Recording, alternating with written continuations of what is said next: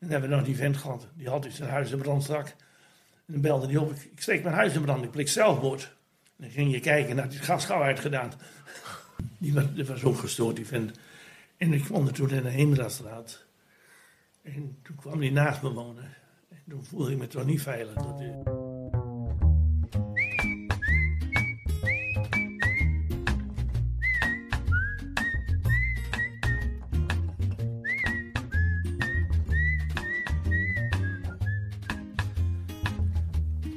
Welkom bij Vlaarse Dingen. Vandaag ben ik de gast bij Henk Blauw. En voormalig politieman en wachtcommandant. een brigadier is ook politieagent, alleen een andere rang. Begonnen, u bent begonnen als agent Agent, ja, en opgeklommen tot... ja, brigadier. Welke tijd spreken we over? Wanneer kwam u bij de politie hier in Vlaardingen? 61. 61. Ja. Tot... Nou, tot 89, 89 hè. Ja, dan bent u al een hele tijd met pensioen. En dan kan ik ook wel zeggen dat eh, Henk Blauw is 89 jaar inmiddels. Ja, 89. Dus u zat bij de politie hier in Vlaardingen toen het nog echt gemeentepolitie Vlaardingen was? Ja, dat was een heel andere tijd. Er was veel meer aan elkaar, eh, op elkaar aangewezen. En dan werd ik, naar mijn gevoel, ook veel serieuzer gewerkt dan tegenwoordig. Tegenwoordig is het allemaal ambtenarij. Was ook tijd tekort, daar gaat het niet om. Maar het was veel kleinschaliger, allemaal.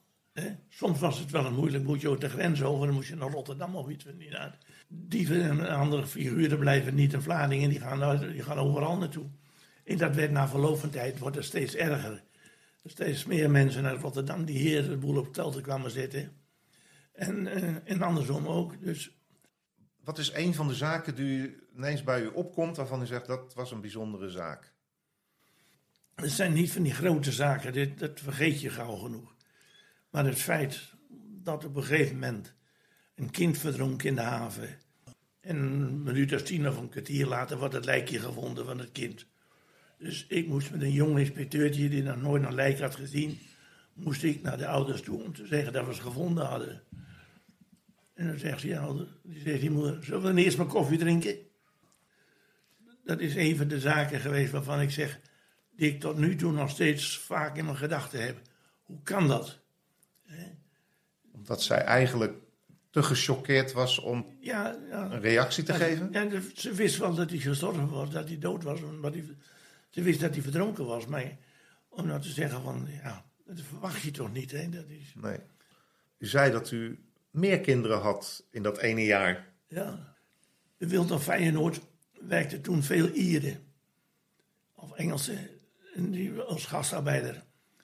En die werkte daar en die vrouwen, die gezinnen, die stonden op de camping. Die vrouw die zit te lezen en die valt in slaap. En het kind speelt om de heen, valt in het water en verdrinkt. Ja, dat is het verschrikkelijkste wat je kan overkomen. Zeker als ouder. En het merkwaardige was toen het begraven werd, kwamen wij juist op dat moment in die plaats waar hij begraven werd in Engeland. Zuiver toeval hoor. Op vakantie of? Ja, vakantie, ja. Ja, ik ga, ik ga nooit naar begrafenissen. Die mensen zijn toch dood. En dan dat kind wat verdronken in de Zwollestraat kwam die geloof ik. Het kind was verstopperd aan het spelen. En op een gegeven moment die ene konden ze niet meer vinden. Moest ik er naartoe om te zoeken. In het hof heb je een vijver.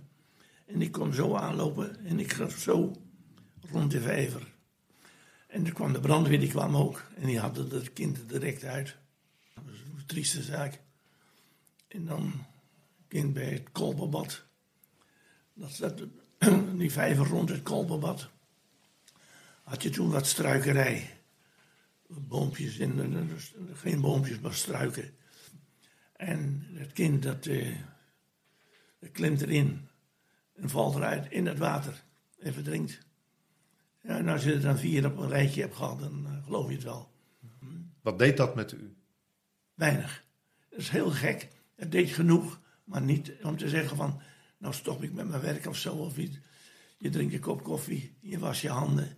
en over naar de volgende zaak. Dus u was goed in het scheiden van uw professionele werk Ja, En uw privéleven. Om ja dat- niet... als je dat niet kunt, dan moet je niet bij de politie gaan werken. Ja, ik ben een Groninger en ik heb een hard karakter. Ik ben, eh, ik ben anders, anders dan een hoop mensen hier uit het Westen. Toen ik twaalf jaar was, moest ik gaan werken. En mijn vader die werkte dag en nacht. En mijn moeder had een klein winkeltje. Toen ben ik gaan werken. En dan kwam ik om 12 uur, al 1 uur thuis op zaterdagmiddag, 48 uur werken nog. Ja, zo was het toch. En dan moest je thuis de boel nog schoonmaken, aanharken, schoffelen. We hadden een heel groot huis met een hele grote tuin. En eh, ja, Dus u kunt zeggen dat uw Groningse achtergrond, heeft een bepaalde rol gespeeld in mijn leven. Ja, dat wel. als politieman ook. Ja, ja. Ja, Henk Blauw wijst hier even naar eh, de rollator en daarop staat een, eh, ja, een vlag. Een rood, wit, blauw en een groen kruis in het midden. En GR staat voor... Groningse Republiek. Dat is het niet zo natuurlijk, maar het is Groningen, het is gewoon Groningen. Er zijn dingen bij die Eigen. mijn vrouw nooit vertelt. Een ophanging had of zo, of iets gedaan had, of een zelfmoord. Daar praat je thuis niet over. Van mensen die veel hebben meegemaakt, die er nooit over praten. Dat, en dat gebeurt met mensen die hier gevochten hebben, mensen die bij de politie zijn geweest, GGD-mensen, eh, mensen die een ernstig ongeval hebben gehad. Die klep gaat dicht en het is over. En er wordt nooit meer over gesproken. Is dat ook om, om jezelf te beschermen misschien? Nou, ik weet het niet. Ik denk dat het automatisme is. Een ander die snapt het ook niet. Anders snapt jouw verdriet niet. Je hebt natuurlijk wel verdriet, maar dat is verdriet van een ander. Dat is gedelegeerd verdriet. Ja? En dan denk je, nou joh, doe niet zo moeilijk. Eh, want ik was toen bij de recherche al, ja. Dat was, maar het is nooit leuk om te vertellen dat iemand gestorven is. Ik heb het meegemaakt dat ik hem een overlijdensbericht moest overgeven. En eh, ik bel aan. Ik denk, zit je in de auto? Waar kom ik terecht? Nou, kom je, bel je aan. De kind doet open. Is je moeder thuis? Nee, die is bij de buren. Die hebben een feestje. Goed, ik naar de buren. Eh, bel aan. Is mevrouw, is mevrouw Jansen hier? Het was een bovenwoning. En mevrouw Jansen hier? Ja, die is hier. Hé hey Pietje, kom eens even, is politie voor je. Ik mevrouw, komt u even beneden? Nee, zeg, zeg het maar. Zeg, uw moeder is overleden. Potverdorie, kan de mensen die op een andere dag doodgaan. Ik heb net een feestje. Dat, reken je niet mee. Hè? Dat zijn dingen bij, die- die, die kun je niet voorstellen. En dat heb ik zo vaak meegemaakt. Komt er een telefoontje binnen van de nonnen. Die, zitten, die zaten daar op het, op het eh, er was wat aan de hand. Er li- liepen kerels in de gang. Jongens, gaan we eens even kijken. De nonnen, bij de nonnen op de stoep liggen een stelletje te rotzooien. En dan kunnen de nonnen niet tegen. Dus wij gaan er op het dode gemak op een fiets naartoe. En eh, we, zetten de fiets tegen de muur aan. En we lopen die gang in en op Godsling horen we glasgerinkel. En een hoop herrie. Die bank daar op de hoek, die was een aanbouw. Achter die bank stond een bouwkeet. En vanuit die bouwkeet hoorden we de glasgerinkel. En, mijn maat gaat rechtsaf, zo de Schiedamsweg op, en die gaat de Emmerstraat in. En op een gegeven moment dat de Emmerstraat inkomt, klimt er een vent over het hek van, eh, ja, van Café Mes, klimt de vent, nou, ik hou hem aan. En ik neem die vent mee naar bureau, fouilleren hem. En die had een papieren in zijn zak van een auto. En ook een rijbewijs van zijn maat. Dus over, die, over geluk gesproken. Want die maat die was zoek. En om vijf uur s morgens, ik denk, ga toch nog een keer kijken, je weet het nooit. We gingen de Emmastraat in. In de tuin van Café Mes in. En Café Mes had een soort kippenhok daarachter. Dus ik ga met mijn schijnwerper zo met mijn zaklantaarns. En plotseling zie ik vanuit mijn ooghoeken een vent achter dat schuur- schuurtje wegkomen. Die kluizen die stonden toen nog open. Die, die, die bank was er niet in gebruik. En de deuren stonden, die kluis stonden open. En er zitten zulke sloten op. Kleinste detail was een veertje zo groot als dat van een ballpoint. Het zit in het mechanisme verwerkt. Wat deden die gasten nou? Die hebben het veertje doorgeknipt. Een beetje lijm erop. Weer aan elkaar gedaan. En dat was het hele eiereten. En als hij dan vol was, dan hoefden ze maar een klap tegen dat ding te geven. Dat veertje knapte open, was het slot open. En fijn, een lang verhaal kort te maken. Ik kreeg dus op een gegeven moment, voor mijn geweldige prestatie tussen aanhalingstekens, kreeg ik met de kerstmis een beloning van 150 gulden van de baas. Van de bank heb ik nooit wat gehoord. Dat scheelde 20 miljoen, hè? 20 miljoen. Wat dat betreft heb ik zoveel gezien en zoveel meegemaakt. Maar het, ja, het hoort bij het leven. We hebben een psychiater gehad hier uit Vlaardingen. Die, eh, waarschijnlijk dat verhaal ken je ook niet. Dat is gewoon op de Schiedamse weg. Dat was een districtspsychiater. Nou, dan denk je nou, dat is clever. Nou, die ging dus s'avonds op pad met een rugzak vol met kettingen en rotzooi. En die ging die ergens liggen. Dan sloot hij de kettingen, deed hij de kettingen om en dan deed hij een regenpak aan en weet ik het allemaal. En dan gooide hij de sleutel weg. Dus dan lag hij daar. Dan wacht, hij, in, in, wacht hij daar gewoon dat hij gevonden werd. in het park of zo? Of? Ja, overal. Overal. Bij Delta Hotel hebben we hem wel gevonden. En eh, weet ik veel. Nou, goed. En op een gegeven moment, ik ben wachtcommandant en krijg ik een berichtje ergens uit Brabant.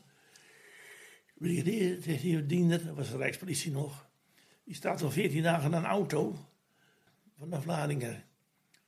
Ken je die? Is, ik zeg, nou, ik dan zou ik wel eens in de omgeving gaan kijken. U wist waar die woonde Ja, waarschijnlijk. ja, precies. Weg. En ik zeg maar, hij, hij moest daar dus in de omgeving gaan kijken, want dan ligt hij daar wel hangt hij. Hè? Nou, even daarna belt hij op, of even daarna zal de volgende dag geweest zijn. Ze hadden hem gevonden, hing hij aan een boom. Was die tak afgebroken. En toen is hij zichzelf opgehangen. Ja, per ongeluk natuurlijk. Per ongeluk. Ja. Ja. C'est la vie, zeggen de Russen. Hè. Het was nachts, eh, ik, had nachtdienst, ik was nog agent, dus ik zat in de auto. En dus die, eh, halfje wit hadden we toen de tijd. Dus een halve Volkswagen, zeg. Met een open, open achterkant. Stom, meest stomzinnige politieauto die ik ooit gezien heb. Maar je kon nooit een arrestant vervoeren. Henk, ga eens even naar de NCK, er is een brandje. Ja, nou, ik er naartoe, maar inderdaad, er kwam rook uit ergens. En op een gegeven moment kwam steeds meer rook uit. En er kwamen steeds meer mensen. Er kwam één brandweerwagen. En toen kwamen er een hele hoop brandweerwagens. En toen op een gegeven moment was het een puinhoop. Dat was nachts om vier uur. Er kwam een enorme rookwolken vrij. Het drama was het zo dat het hele Westland zou ontruimd worden, want eh, in verband met giftige stoffen. Want ze wisten niet wat er in die rook zat. Omdat Ja. het kunstmest was natuurlijk. Ik wist niet dat kunstmest kon branden, maar goed. Dus u komt eraan met halfje wit. Enorme rookwolken. De rook die ging in de richting van het Westland. Het was ook geen brand in die zin van een grote vlammenzee of zo. Dat kwam dus met zo'n eh, zo'n apparaatje, kwam die eh, het vergif meten in de, in de rook. Dan ging hij in de rook staan en hield hij de ding in de lucht zo. Maar de brand eh, was erg genoeg, en, en ernstig genoeg eigenlijk, dat er een minister kwam uit Den Haag. Ja, toen het afgelopen was. Koffie Ja. drinken. Veilig. ja, toen het veilig was. In de, in de kantine was dat van de ENCK. Ja, belangrijk doen. Pers was er natuurlijk en de wethouder was er. En ik geloof dat de burgemeester er ook nog was. Wat die minister dan kwam doen, dat weet ik ook niet. Om zich op de hoogte stellen waarschijnlijk. Het was wel erg, maar het had nog veel erger kunnen zijn. Alleen men kende in die tijd de consequenties van milieuvervuiling niet. Niet zoals we dat nu kennen. Eh, het was gevaarlijk, het stonk en, het was, en er was een hoop rook. En dat was het dan. Nu heeft u ook ehm, veel gelachen. Ik heb altijd gelachen. Hoe was het in die tijd, de sfeer met de politie onderling? De oudere generatie, daar kon ik goed mee werken. En er waren mensen van voor de oorlog nog en ook direct, direct na de oorlog begonnen. Jan Dijkhuis en ik. Toen ik, toen ik hier kwam, er was een brigadier, dat was brigadier. En dat was u. U en brigadier. En toen, in die tijd, ik ben groot geworden in die nozentijd. En dan was het Henk. En dan moesten een hoop mensen daar wennen. Ik zelf ook. Ik was altijd brigadier dan adjudant of weet ik veel wat. Vrouwtje Romein, was een hele lieve oude dame. Die zat altijd voor in de, op de, in de, in de Pepersteeg, op de hoek van de Hoogstraat. In de collectebus. Waarvoor ze collecteerden, dat weet ik niet. Waarschijnlijk voor zichzelf. Maar dat, dat doet ook verder niet de zaak. hè. Maar het was ontzettend lief mensen. En iedereen gunde daar ook wat. Hè. Er kwam bijna niemand voorbij zonder dat ze iets in die collectebus deden. Remy. Remy. Ah, Dat was ook een idealist natuurlijk. Die leeft nog. Hè. Remy leeft nog. En ging Remy, Remy ging plakken s'nachts. En dan overal aanplakken. Je hebt er van, welke partij was die ook alweer? CPN? SP, SP?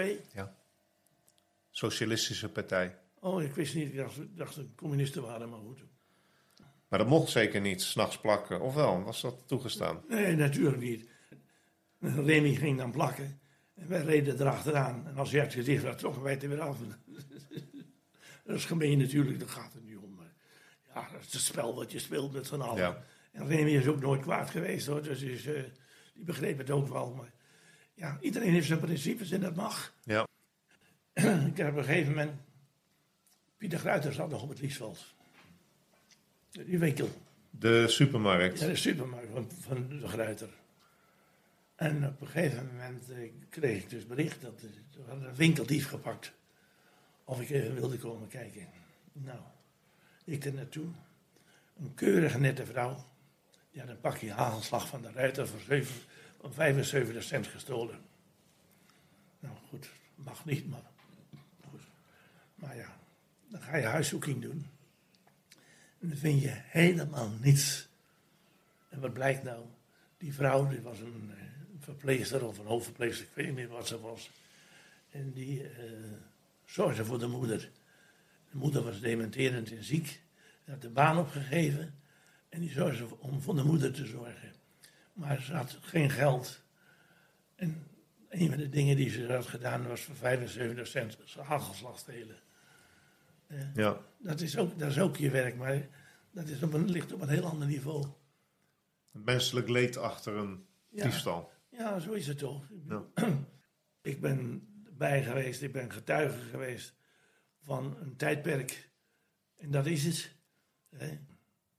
Maar van die 750 jaar heeft hij toch eh, 30 jaar lang eh, Ja. de orde bewaakt. Mag ik het zo zeggen dan? Ik heb gepoogd, ik heb gepoogd de mensheid hier te beschermen tegen al te veel onheil. Maar dat is het dan ook. En voor de rest, je moet niet denken dat je wat betekent in deze maatschappij als eenling. Dat is gewoon niet zo. De gemeenschap moet het doen. Politiek hoef je niks van te verwachten. Zo is het. Als je niet mocht, dan werd je heks verklaard en dan werd je gemanteld en opgehangen. Nou, dat doen ze tegenwoordig niet meer, maar... eh, soms zou ik het wel willen. Ja. We spraken met Henk Blauw. Zijn herinneringen aan de politietijd in Vlaardingen. Ja, nou zo kun je het stellen. Ik heb molle egels en kikvortsenwet moeten leren. Nou, ja, nee, begrijp je wat ik bedoel? Je moet leren wanneer je iemand aan moet houden. En wanneer je iemand moet laten lopen. Dat soort dingen. En dat een fiets een achterlicht moet hebben, nou, dat wist ik al. Dan hoef je niet naar, voor naar een politieschool. Maar dan, hoe je een café leeg moet slaan, dat, wisten ze, dat hebben ze niet geleerd. En heeft u dat een keer gedaan? Oh, nou ja, laten we het allemaal niet over hebben.